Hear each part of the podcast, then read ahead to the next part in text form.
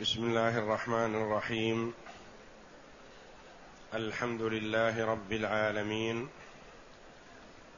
والصلاة والسلام على نبينا محمد وعلى آله وصحبه أجمعين. وبعد.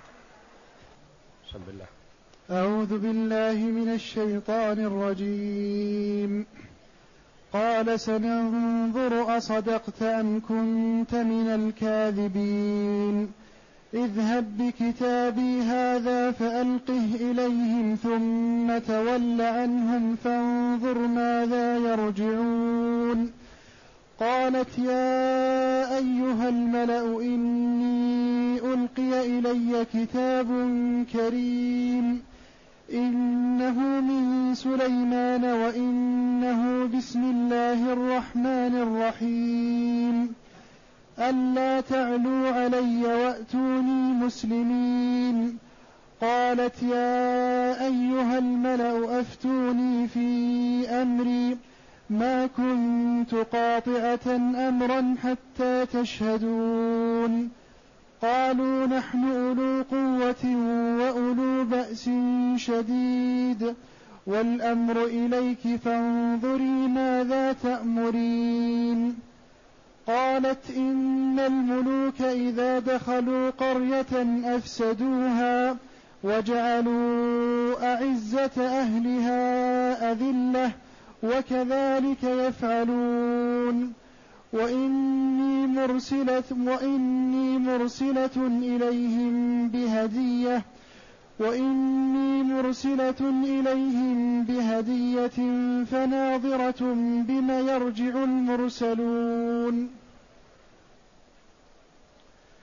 يقول الله جل وعلا قال سننظر أصدقت أم كنت من الكاذبين. اذهب بكتابي هذا فألقه إليهم ثم تول عنهم فانظر ماذا يرجعون. هذه الآيات في سياق الآيات السابقة في ما قاله الهدهد لسليمان عليه السلام في أنه رأى باليمن شيئا أفزعه.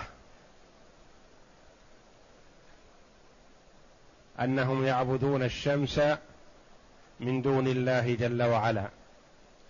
في قوله جل وعلا وتفقد الطير فقال ما لي لا أرى الهدهد أم كان من الغائبين لأعذبنه عذابا شديدا أو لأذبحنه أو لياتيني بسلطان مبين فمكث غير بعيد فقال احطت بما لم تحط به وجئتك من سبأ بنبأ يقين.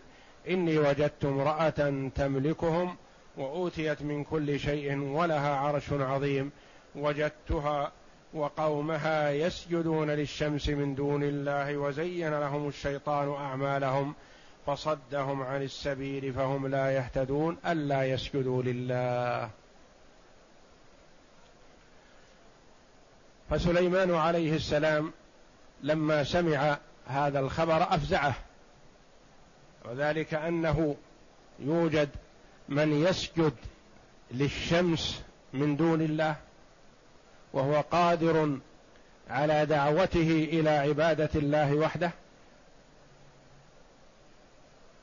فهو فزع عليه الصلاة والسلام لما قال له وجدتها وقومها يسجدون للشمس من دون الله. وإلا فقوله أوتيت من كل شيء ولها عرش عظيم. هذا لا يضيره عليه الصلاة والسلام لأن الله جل وعلا أعطاه ما لم يعط غيره. أعطاه الشيء الكثير. ولكن لما قال له وجدتها وقومها يسجدون للشمس من دون الله وزين لهم الشيطان أعمالهم فصدهم عن السبيل فهم لا يهتدون. عند ذلك قال قال سننظر أصدقت أم كنت من الكاذبين. فهو عليه الصلاة والسلام أراد أن يتثبت. وهكذا الإمام والوالي والأمير والقائد إذا نقل له خبر عليه أن لا يسارع في الاستجابة لأنه قد يكون الناقل كاذب أو ليس بكاذب وإنما قد أخبره من كذب. فعليه أن يتثبت ليكون في الأمر على بصيرة وعلى هدى. وهكذا كان سلفنا الصالح رحمة الله عليهم والصحابة رضي الله عنهم عمر رضي الله عنه إذا نقل له حديث عن النبي صلى الله عليه وسلم وهو لم يسمعه ولم يتواتر عنده طلب البينة ممن نقل الحديث. وقال لا تبرح لا تسلم حتى تأتي بمن يشهد معك كما قال لعدد من الصحابة رضي الله عنهم أجمعين. قال سننظر أصدقت أم كنت من الكاذبين. وقد يكون الناقل كاذب فيكون فاسق والفاسق لا يقبل خبره.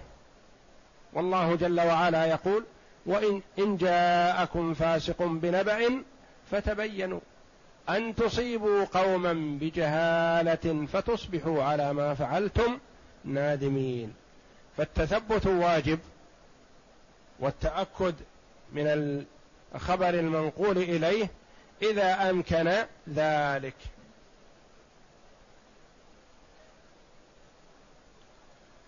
أم كنت من الكاذبين؟ أم كنت ممن اتصف بهذه الصفة وهي صفة الكذب؟ فلا يقبل خبرك ولا قولك. وكيف يتثبت؟ عليه الصلاة والسلام قال اذهب بكتابي هذا فألقه إليهم. أنت الناقل لهذا الخبر؟ اذهب بالكتاب. ما دمت عرفت محلهم؟ وجهتهم وعرفت ملكتهم التي هي بلقيس اذهب بكتابي هذا فألقه إليهم ثم تول عنهم فانظر ماذا يرجعون. علمه كيف يوصل الكتاب أعطاه الكتاب وقال فألقه إليهم يعني سلمه لهم. ثم تنحى عنهم بحيث تكون في مكان بعيد عنهم تسمع كلامهم. وتخبرني ماذا يقولون. فألقه إليهم ثم تول عنهم فانظر ماذا يرجعون. وقد امتثل الهدهد أمر سليمان عليه الصلاة والسلام فأخذ الكتاب بمنقاره أو بجناحه وذهب به إلى اليمن وتحرى وقت تكون فيه بلقيس موجودة قريبة بارزة فألقى الكتاب في حجرها. ولم يقع بجوارها وإنما تنحى بعيدا ووقع. فاهتمت المرأة بهذا الكتاب لما رأته ووصفته بهذه الصفة. قالت يا أيها الملأ إني ألقي إلي كتاب كريم. اولا جمعت أمراءها ووزراءها وأعيان مملكتها كلهم لتستشيرهم في هذا الأمر العظيم. قالت يا أيها الملأ بعد أن اجتمعوا إني ألقي إلي كتاب كريم. ألقي إلي مبني للمفعول. لا تدري من الملقيه. جاء الكتاب مع طير. ولا تدري من الذي من الذي جاء به من هو؟ أهو عاقل أو غير عاقل. لكن وصفت الكتاب بما يستحقه. قالت ألقي إلي كتاب كريم. موصوف بهذه الصفة. وكيف وصفته بهذه الصفة؟ اولا أنها عرفت أنه من سليمان. وسليمان معروف أنه نبي الله وأنه ملك وأعظم ملك في الدنيا عليه الصلاة والسلام. وتعرف أخباره. قيل لأنها عرفت أنه من سليمان. وقيل لأنها لما قرأت الكتاب عرفت أنه لا يكتب هذه الكتابة إلا عظيم. فدل الكتاب على المرسل فقالت كتاب كريم. قال بعض المفسرين رحمهم الله لما لم تعرف من أين جاء ظنت أنه جاء من السماء وأنه من الله. فوصفته بهذه الصفة. لكن لا شك هي قرأت الكتاب فعرفت أنه من سليمان. إني ألقي إلي كتاب كريم. إنه من سليمان وإنه بسم الله الرحمن الرحيم. ألا تعلوا علي وأتوني مسلمين. هذا نص الكتاب. وهذا أبلغ كتاب وأوجز كتاب يمكن أن يكتبه مخلوق لمخلوق. يكتبه بشر. اولا قدم اسمه على اسم المرسل إليه. خلاف طريقة الأعاجم في أنهم يبدأون بعظمائهم كما قال النبي صلى الله عليه وسلم ورد في الحديث أنه عليه الصلاة والسلام قال إن العجم أو إن يبدأون بعظمائهم فليبدأ المرسل باسمه أو كما قال صلى الله عليه وسلم. ولا يدل كتابة الاسم اسم المرسل اولا على تعظيم المرء نفسه لا.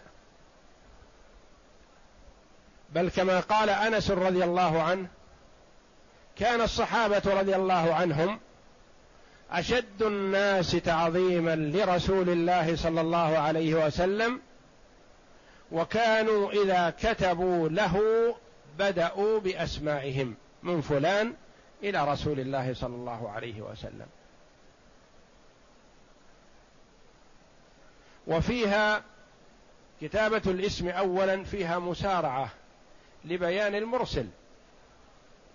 من أجل أن المرء إذا قرأ الرسالة قيمها على حسب حال المرسل. تجد الواحد منا إذا جاءه الخطاب المكون من صفحتين أو ثلاث أو أربع مثلا أول ما يبدأ يقلب الصفحات لينظر من الموجه لهذا الخطاب إذا كان اسم المرسل في الأخير. وإذا كان صفحة واحدة نظر آخر الصفحة ليعرف المرسل. فكتابة المرسل اسم المرسل أولا حسنة وهي طريقة النبي صلى الله عليه وسلم والصحابة رضي الله عنهم وأرضاهم. إنه من سليمان بين أنه هو المرسل لهذا الخطاب. وإنه بسم الله الرحمن الرحيم. بدأ بهذا بهذه المقدمة وهذا المبدأ الجليل. وقد قال النبي صلى الله عليه وسلم كل عمل لا يبدأ بسم الله فهو أقطع وأبتر أي ناقص البركة. فيبدأ المرء إذا تكلم بسم الله الرحمن الرحيم. إذا كتب خطابا يبدأه بسم الله الرحمن الرحيم. وهكذا. وقد كان النبي صلى الله عليه وسلم إذا أراد أن يكتب قبل أن تنزل عليه هذه الآيات يكتب باسمك اللهم. باسمك اللهم. يبدأ بسم الله جل وعلا.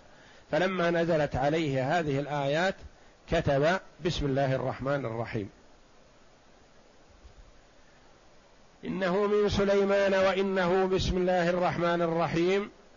هذا المقصود. ألا تعلوا علي وأتوني مسلمين. هذا هو العرض وهو المطلوب وهو المأمور به وهو المراد من هؤلاء. لم يرد منهم مالا ولم يرد منهم الطاعة العمياء ولم يرد منهم الإذعان وهو على كفرهم. لا. بل أراد منهم الطاعة مع الإسلام. ألا تعلوا علي. لا تتكبروا ولا تترفعوا. فاستجيبوا لدعوتي. وأتوني مسلمين. مسلمين لله جل وعلا منقادين له. وهو عليه الصلاة والسلام مع ما آتاه الله من القوة والإمكانيات التي لم تؤت لغيره بدأهم بهذا الأسلوب الحسن. ألا تعلوا علي وأتوني مسلمين. عرض لطيف حسن. على ما شرعه الله جل وعلا لرسله ولمن اقتدى بهم من الدعاة إلى الله.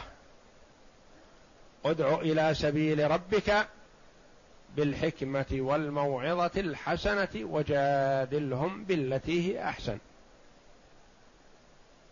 فقولا له قولا لينا لعله يتذكر أو يخشى.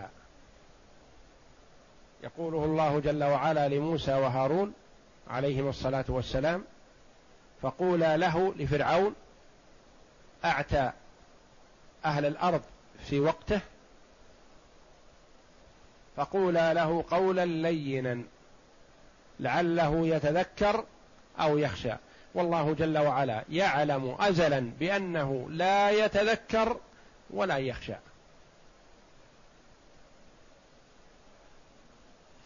ألا تعلوا علي وما توعد عليه الصلاة والسلام وما أظهر القوة والعظمة وأنه قادر على السيطرة عليهم بل قال ألا تعلوا علي وأتوني مسلمين.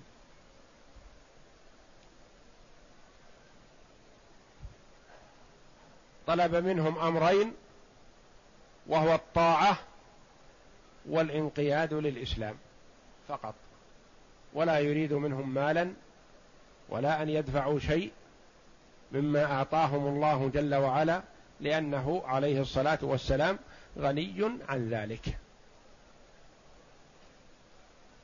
لما قرأت عليهم الخطاب قالت يا أيها الملأ كأنها تقول لهم يا عظماء يا كبراء تتقرب إليهم بأن تصفهم بصفة العظمة من أجل أن يمحضوا لها النصيحة. يا أيها الملأ تقول لهؤلاء أفتوني والملأ كبراء القوم.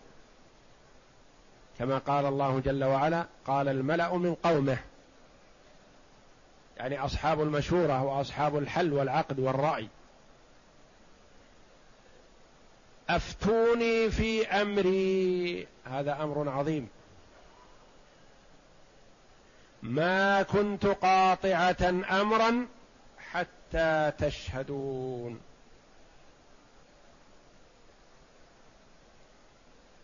أفتوني في أمري. قولوا لي برأيكم. وهذا أمر يهمنا جميعا. ما كنت قاطعة امرا يعني منفذة وجازمة. على أمر من الأمور حتى تحضرون وتشيرون علي ونتبادل الرأي.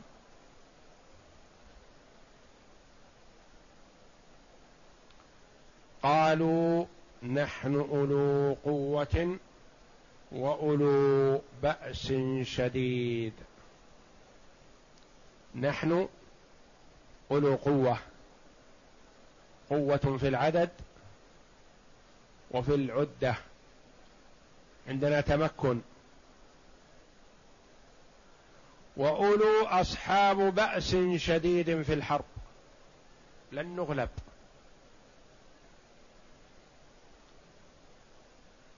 قد يكون العدد كثير لكنهم غثاء كغثاء السيل. لا قيمة لهم.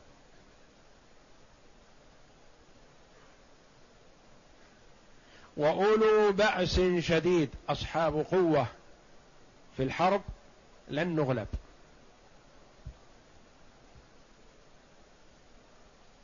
والأمر إليك فانظري ماذا تأمرين. بينا لك ما عندنا. من حيث العدد مكتمل والعدة مكتملة. والاستعداد للحرب لا يخيفنا ولا ننزعج له. وما بقي إلا أن تأمري بما شئت. فوضوا الأمر إليها. والأمر إليك فانظري. تأملي. ماذا تأمرين؟ ماذا تريدين منا؟ هل تريدين منا الحرب والخروج إليه؟ خرجنا. أم تريدين المصالحة؟ صالحنا. ماذا تريدين؟ ففكرت لما ردوا الأمر إليها قالت إن الملوك إذا دخلوا قرية أفسدوها وجعلوا أعزة أهلها أذلة وكذلك يفعلون. قالت رأيها قالت إن الملوك إذا دخلوا قرية عنوة يعني دخلوها بالقوة لم يفتحها لهم أصحابها. إذا دخلوها بالقوة توجهوا إلى الكبراء وأذلوهم لأنهم هم الممانعون في دخولها صلحا. أفسدوها يعني خربوا فيها ليروا شيئا من قوتهم. وجعلوا أعزة أهلها أذلة. لا يتوجهون إلى عامة الناس وإلى رعاع الناس لا فائدة في قتلهم ولا في السيطرة عليهم ولا في حبسهم. وإنما يتوجهون إلى الكبراء والعظماء الذين هم الأعزة أصحاب الرأي والحل والعقد. والقيادة يتوجهون إليهم فيذلونهم بعد عزهم إما بالحبس أو بالقتل ليسلموا من شرهم وتدبيرهم.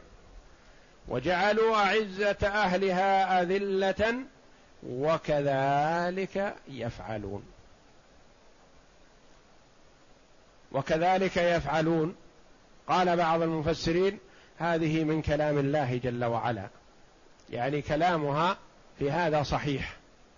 أن الملوك إذا دخلوا البلاد عنوة وقوة بدون أن تفتح لهم البلاد يتوجهون إلى الكبراء وأهل القيادة في القرية فيذلونهم.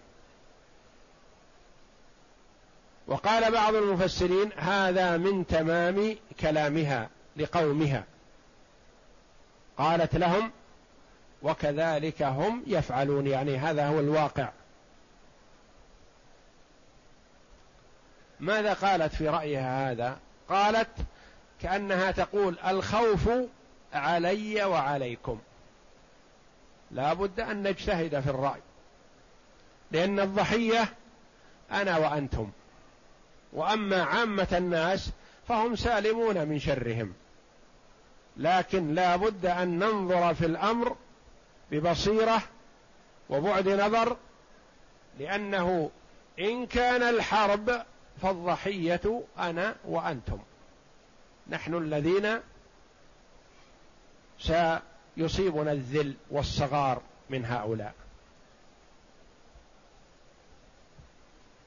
ثم أبدت رأيها فقالت وإني مرسلة إليهم بهدية فناظرة بما يرجع المرسلون. فتعبيرها السابق قولها إن الملوك إذا دخلوا قرية كالتوطئة لما يختلج في نفسها من الهم بإرسال الهدية. لأنها ربما لو قالت لهؤلاء من أول الأمر إني مرسلة إليهم بهدية قالوا أصابها الخور أصابها الضعف. ضعفت من هذا الكتاب الذي هو كلمتان فقط. وخافت. لا فأتت بالمقدمة لي ليكون لديهم القبول لما ستلقيه عليهم. قالت إني مرسلة إليهم بهدية. فناظرة بما يرجع المرسلون. نستمهل ونبعث الهدية الثمينة التي تليق بحال سليمان ثم ننظر. إن قبل الهدية سلمنا من شره لن يقبل هديتنا ثم يحاربنا ابدا. إن قبل الهدية فهو ملك من الملوك يريد مالا فقط. إن قبل الهدية عرفنا هدفه أنه المال وبعثنا له ما يريد من المال وإن أراد أن يفرض علينا شيئا سنويا أو شهريا أعطيناه إياه وسلمنا منه. فهي مقياس. وإن رد الهدية فهو يريد غير ذلك. لا يريد مالا وإنما يريد ما أراده ما طلبه منا الإسلام والطاعة. وحينئذ نستجيب لما يريد. لا قبل لنا به. فالهدية ستكشف لنا حاله. ما هو اتجاهه؟ وماذا يريد؟ هل يفرح بالهدية ويسر؟ فنرسل له معها أضعافها. أم يردها علينا فهو لا مطمع له في المال ولا يريده لأن عنده ما ليس عندنا. وإني مرسلة إليهم بهدية فناظرة بما يرجع المرسلون. ماذا تكون النتيجة بعد الهدية؟ وقد أرسلت الهدية واتفق المفسرون على أنها هدية ثمينة. لكن ماذا كانت؟ قيل ذهب وجواهر وقيل غلمان وفتيات.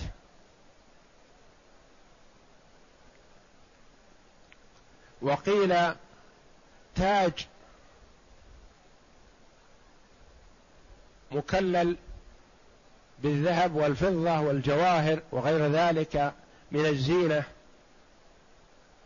وقيل لبنات من ذهب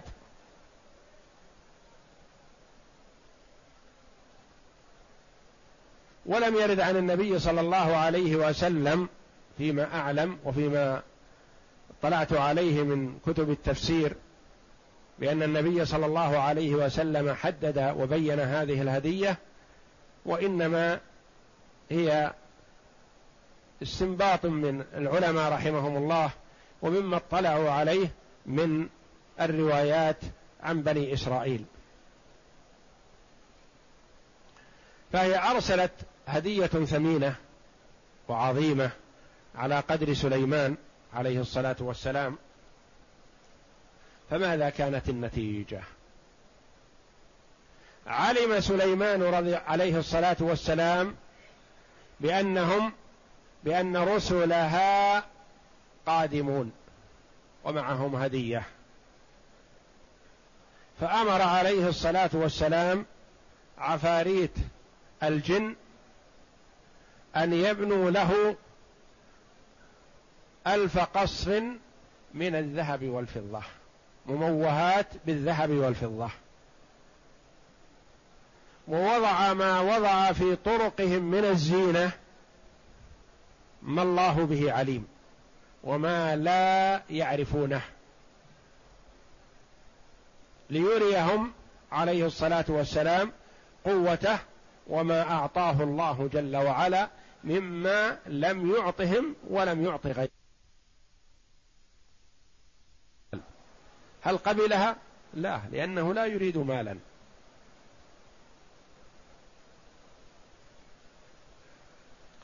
فلما جاء سليمان فلما جاء سليمان قال أتمدونني بمال فما آتاني الله خير مما آتاكم؟ بل أنتم بهديتكم تفرحون. ارجع إليهم فلنأتينهم بجنود لا قبل لهم بها ولنخرجنهم منها أذلة وهم صاغرون.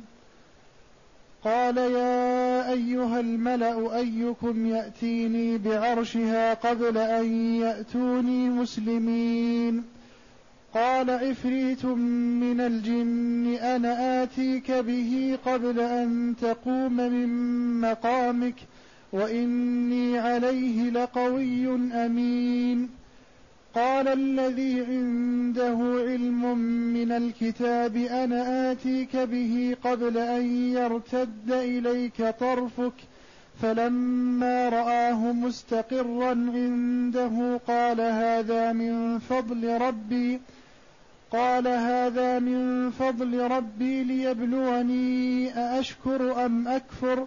ومن شكر فإنما يشكر لنفسه ومن كفر فإن ربي غني كريم. قال نكروا لها عرشها قال نكروا لها عرشها ننظر أتهتدي أم تكون من الذين لا يهتدون. فلما جاءت قيل أهكذا عرشك قالت كأنه هو. وأوتينا العلم من قبلها وكنا مسلمين. وصدها ما كانت تعبد من دون الله إنها كانت من قوم كافرين. قيل لها ادخل الصرح.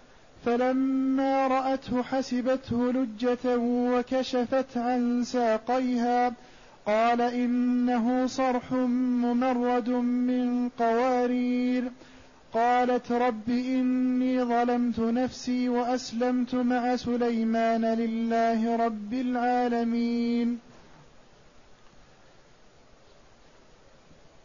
فلما جاء سليمان قال أتمدونني بمال فما آتاني الله خير مما آتاكم بل أنتم بهديتكم تفرحون. لما جاء الرسل من قبلها ومعهم الهدية وهم يرون أنها هدية ثمينة وتطمع فيها النفوس التي تريد وتحب الدنيا. ماذا كان جواب سليمان عليه الصلاة والسلام؟ قال أتمدونني بمال؟ أتظنون أنني أطمع في المال؟ أنتم أرسلتم المال مهادنة كأنكم تريدون أن أهادنكم وأن أترككم على دينكم الباطل وأقبل منكم المال. لا ليس هذا هدفي ولا أريد ذلك. الأمر أجل وأعظم من ذلك. إما أن تسلموا كما طلبت منكم أولا وإما أن نأتيكم بجنود لا قبل لكم بها. أتمدونني؟ أترسلون إلي؟ وكأنه عليه الصلاة والسلام أراد أن يبين حتى لو أرسلتم أكثر من ذلك. ولم يكن هذا الرد مني استقلالا للهدية. فيأتي لها مدد في المستقبل. لا ليس هذا هو الهدف. أتمدونني بمال فما آتاني الله خير مما آتاكم الذي أعطاني الله جل وعلا وتفضل علي به هو خير مما أعطاكم فما أريد منكم مالا أبدا. بل أنتم بهديتكم تفرحون. أنتم وأمثالكم الذي يقبل الهدية ويفرح بها.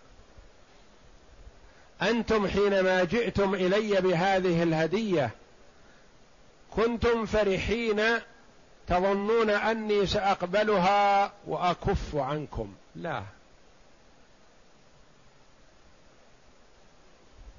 ارجع إليهم. جاء التعبير أشد من الأول. ألا تعلوا علي وأتوني مسلمين. هنا زجر. ارجع إليهم فلنأتينهم بجنود لا قبل لا قبل لهم بها. فيها أنواع المؤكدات. اولا الأمر بشدة. ثم فلنأتينهم. نون التوكيد ولام الابتداء. بجنود لا قبل لهم بها. لا يطيقونها ولا يطيقون مقابلتها. ولنخرجنهم منها أذلة. لنخرجنهم من البلاد لأنهم غير أهل للإقامة في البلاد الطيبة.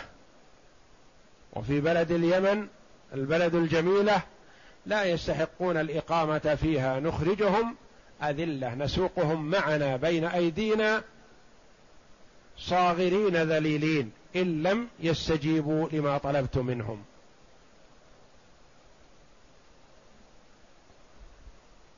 فاولا بدأهم بالدعوة بلطف ولين ثم بالوعيد الشديد. إن لم يستجيبوا حصل لهم ما يكرهون.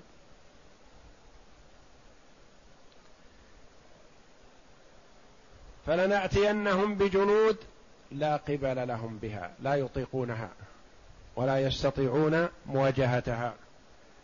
ولنخرجنهم منها أذلة. لنخرجنهم من بلادهم صاغرين ذليلين.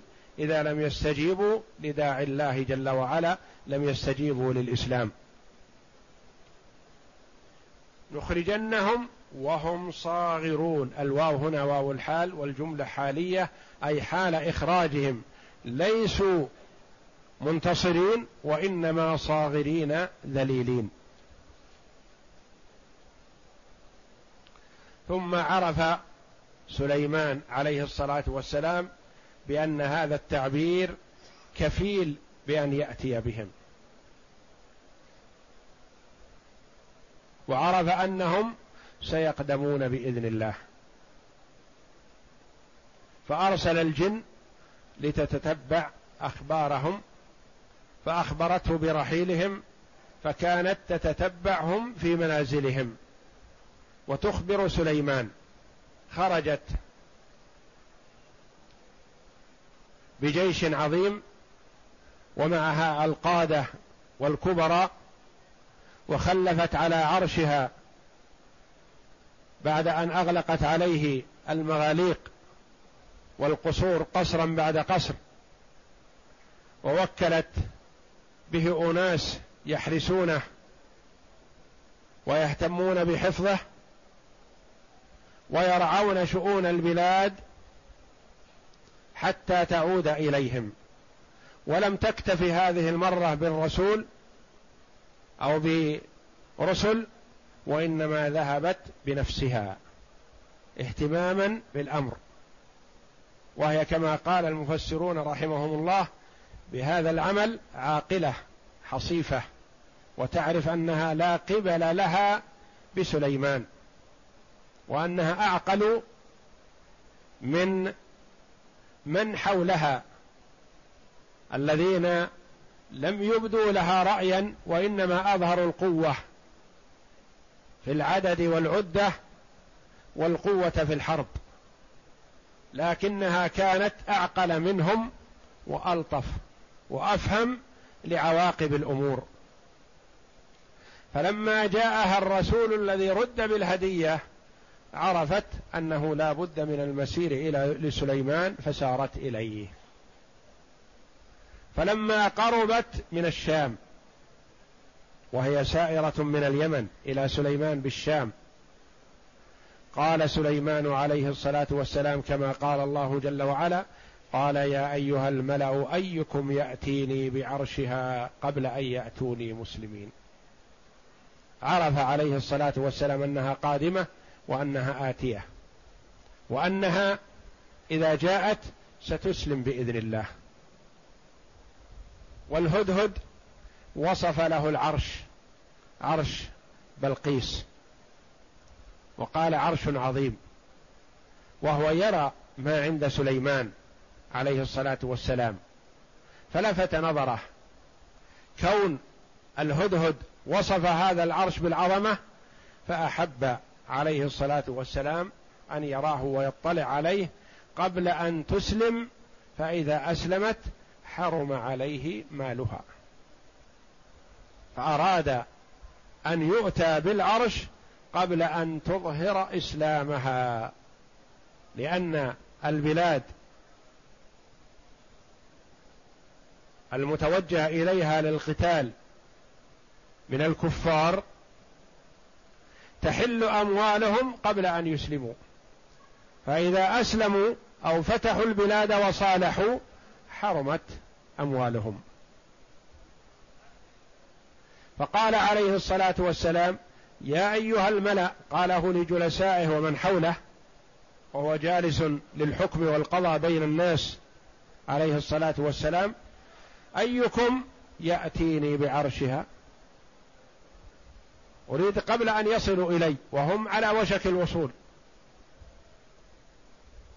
فإذا وصلوا وأسلمت فلا يمكن أن نتعرض لها ولا أن نأخذ العرش. لكن قبل أن يظهر إسلامها فهم لم يدخلوا في أمان وليسوا مسلمين فمالهم حلال كفار. قبل أن يأتوني مسلمين. قال عفريت من الجن. كما تقدم لنا أن الله جل وعلا سخر له عفاريت الجن والإنس والطير والوحوش والدواب وكلها مسخرة بأمر سليمان عليه الصلاة والسلام. قال عفريت من الجن كان عظيما كالجبل وكان شرس وقوي وعنيد. أنا آتيك به قبل أن تقوم من مقامك. انت جالس الآن وسليمان عليه الصلاة والسلام يجلس للناس أول النهار إلى الزوال إلى الظهر ثم يقوم من مجلسه. فقال له هذا العفريت أنا آتيك به قبل أن تقوم من مقامك. أنت الآن جالس وقبل أن تنصرف من مجلسك على عادتك سيكون بين يديك. وإني عليه لقوي. قادر عليه. عندي قوة وشدة وبأس. أستطيع حمله. وأمين لن أغير فيه شيء. ولن أخفي منه شيء. فأنا أمين على ما فيه من اللآلئ والجواهر والأثمان الغالية أمين عليه. وإني عليه لقوي أمين. ما قنع سليمان عليه الصلاة والسلام بهذا القول؟ ما اكتفى.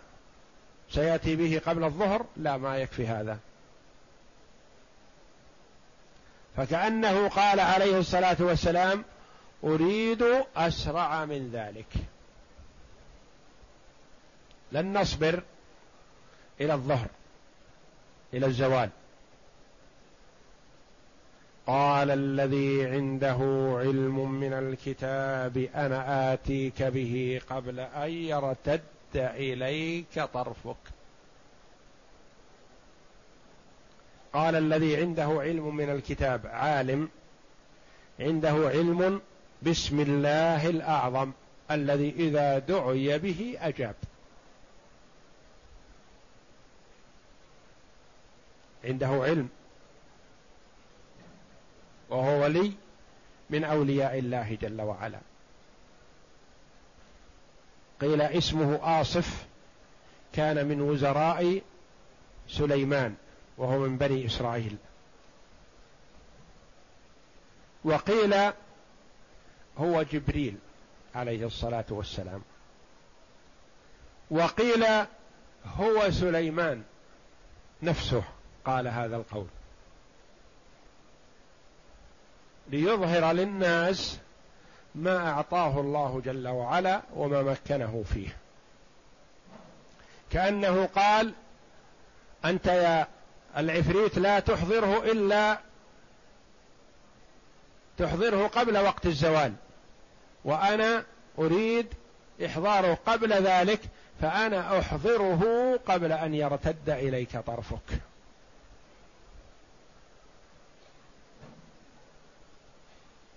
قال الذي علم عنده علم من الكتاب أنا آتيك به يعني أحضره. و كون القائل هذا هو آصف الذي هو عنده علم بسم الله الأعظم الذي إذا دعي به أجاب هذا هو ما قرره كثير من المفسرين رحمهم الله. قال أنا آتيك به يعني أحضره إليك قبل أن يرتد إليك طرفك. انظر في السماء أو في أمامك. وقبل أن يرتد جفن على جفن احضره بين إذا هو بين يديك. يعني في وقت يسير. لحظة. أنا آتيك به قبل أن يرتد إليك طرفك. فكأن سليمان عليه الصلاة والسلام قال نعم. ائت به. فلما رآه مستقرا عنده. في لحظة والعرش بين يديه. موضوع بين يديه. هذا الذي قال أنا آتيك به قبل أن يرتد إليك طرفك دعا باسم الله الأعظم فاستجاب الله له فجيء بالعرش هذا مع نفق تحت الأرض من اليمن إلى الشام حتى وضع بين يدي موسى بين يدي سليمان عليه السلام. وأغلاق القصور التي هي مغلقة على إغلاقها. أخذ من تحت الأرض بلحظة وإذا هو بين يدي سليمان عليه الصلاة والسلام. وهذا كلام الله جل وعلا. لا مجال للشك ولا للريب فيه.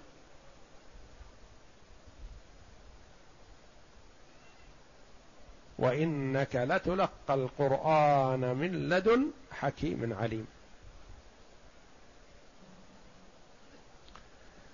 فلما رآه مستقرا عنده نظر سليمان لحظة فإذا العرش بين يديه. ماذا قال؟ قال هذا بقوتي هذا بعظمتي أنا أستطيع أعظم من ذلك؟ لا. رجع إلى ربه جل وعلا معترفا بنعمه حامدا له وشاكرا له مخبرا من حوله أن هذا العطاء ابتلاء وامتحان لأن عطاء الدنيا ليس عطاء ثابت مستقر كعطاء الآخرة. يعرف المرء أنه كرامة محض. فعطاء الآخرة كرامة محض. وأما عطاء الدنيا فقد يكون مصيبة ونقمة وقد يكون نعمة. ابتلاء وامتحان. فقال عليه الصلاة والسلام لما رآه مستقرا عنده قال هذا من فضل ربي هذا من عطاء الله جل وعلا لا بحولي ولا بقوتي ولا بجندي وإنما هو من فضل الله جل وعلا. ليبلوني ليختبرني هذا اختبار. والاختبار يخرج منه المختبر الطالب إما بدرجة عالية بأعلى درجة وإما بصفر والعياذ بالله. إما بالنجاح العظيم وإما بالخسارة العظمى. الله جل وعلا يعطي الدنيا من يحب ومن لا يحب. أعطى سليمان عليه الصلاة والسلام وهو يحبه ويعطي غيره وهو لا يحبه. كما أعطى الجبابرة والظلمة. من الدنيا ما شاءوا. لحكمة يريدها الله جل وعلا. قال هذا من فضل ربي ليبلوني أأشكر. أأشكر أم أكفر؟ فالعبد بين الأمرين.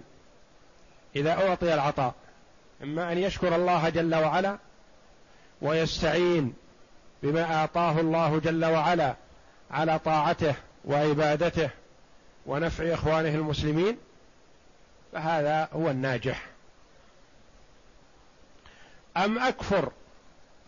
أم يكفر النعمة ويتجبر بها ويتعاظم على عباد الله ولا يعطي حق الله جل وعلا منها؟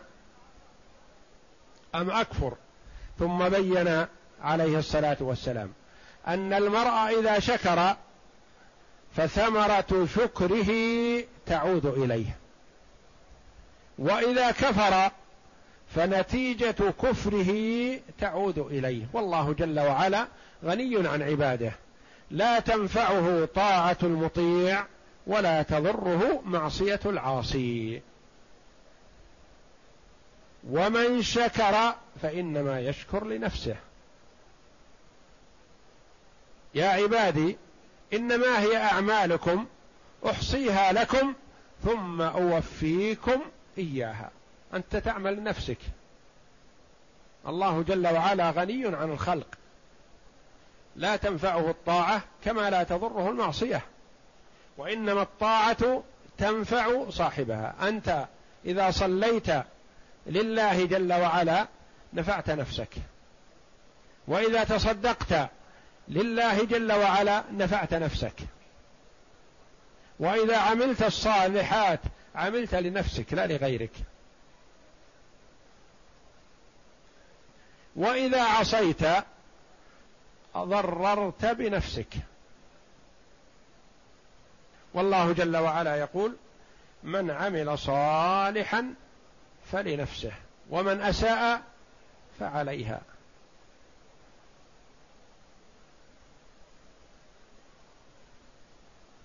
ومن عمل صالحا فلأنفسهم يمهدون. أنت تجتهد في الطاعات وتخلص في الأعمال وتنوع القرب إلى الله جل وعلا. تصوم وتصلي وتتصدق وتجتهد في قيام الليل وفي قراءة القرآن وفي الذكر كل هذا تجمع لنفسك. تجمع لنفسك. تنفع نفسك. لا تنفع غيرك بذلك بل تنفع نفسك. فإذا تصدقت وأعطيت الفقير ما أعطيته لتنفعه وإنما الحقيقة أنك نفعت نفسك. أعطيت نفسك. كان بعض السلف رحمهم الله إذا جاءه السائل مال قال مرحبا بمن جاء ليحول من مال دنيانا لمال آخرتنا.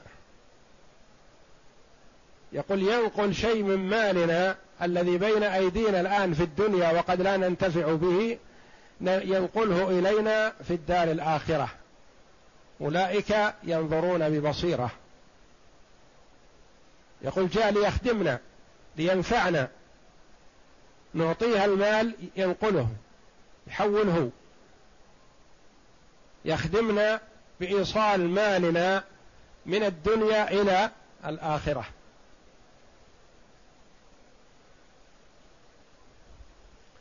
ومن كفر فإن ربي غني كريم.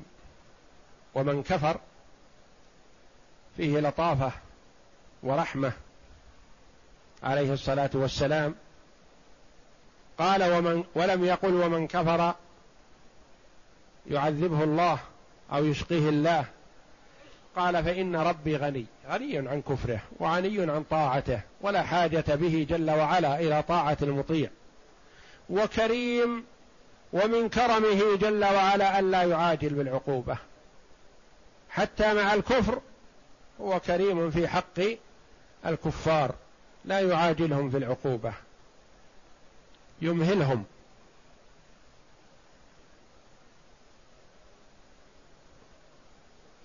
ولو يواخذ الله الناس بما كسبوا ما ترك على ظهرها من دابة. لكنه جل وعلا حليم كريم.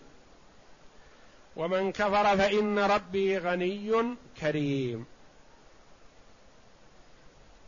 والله جل وعلا يقول إن تكفروا أنتم ومن في الأرض جميعا فإن الله لغني حميد. والحديث الصحيح حديث القدسي. يا عبادي لو أن أولكم وآخركم وإنسكم وجنكم كانوا على أتقى قلب رجل واحد منكم ما زاد ذلك في ملكي شيئا. يا عبادي لو أن أولكم وآخركم وإنسكم وجنكم كانوا على أفجر قلب رجل منكم ما نقص ذلك من ملكي شيئا. يا عبادي إنما هي أعمالكم أحصيها لكم ثم أوفيكم إياها.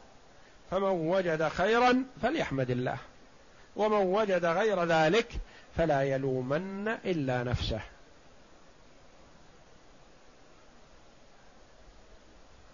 فالله جل وعلا أوضح الطريق وأقام الحجة على العباد وبين طريق الخير والشر ووهب الإنسان العقل والإدراك وعليه أن يختار لنفسه ويسأل الله جل وعلا التوفيق. قال نكروا لها عرشها. العرش بين يديها الآن وهي قادمة قريب. فأراد عليه الصلاة والسلام أن يختبر ذكاءها ليعرف حالها حال وصولها. أول ما تصل يختبرها. هل تصلح أن يصطفيها لنفسه ويعيدها يعيدها إلى مملكتها ويوليها على من تحت يدها أم هي جاهلة لا تصلح للولاية؟ قال نكروا لها عرشها ننظر أتهتدي أم تكون من الذين لا يهتدون. قال المفسرون رحمهم الله نكروا لها عرشها يعني غيروا ما فيه. اجعلوا شيئا من الحلي الذي هو أسفل اجعلوه أعلى. واجعلوا اللون الأحمر أخضر والأح والأخضر أحمر وهكذا. غيروا فيه تغيير لا يغير جوهره كاملا وإنما يغير بعض الصفات. ننظر أتهتدي أم تكون أم تكون أتكون ذكية مدركة عارفة؟ إذا سألناها واختبرناها أم تكون غر؟ لا تفهم. أم تكون من الذين لا يهتدون؟ جاهلة لا تدرك. فلما جاءت وصلت. جاءت وإذا العرش موجود بين يدي سليمان. وهي قد أغلقت على عرشها المغاليق والحصون وجعلت عليه الحراس. فلما جاءت قيل أهكذا عرشك؟ أهكذا عرشك؟ أمثل هذا هذا مثل عرشك؟ أهو هو أم غيره؟ قالت كأنه هو. أظهرت ذكاء. وهي لم تسأل بأنه أهذا العرش نفسه أو غيره. قيل لها أهكذا عرشك؟ أمثل هذا عرشك؟ قالت جاءت بجواب على غرار السؤال. قالت كأنه هو. ولم تقل هذا هو ولم تقل ليس بهو. فكان جوابها مسددا.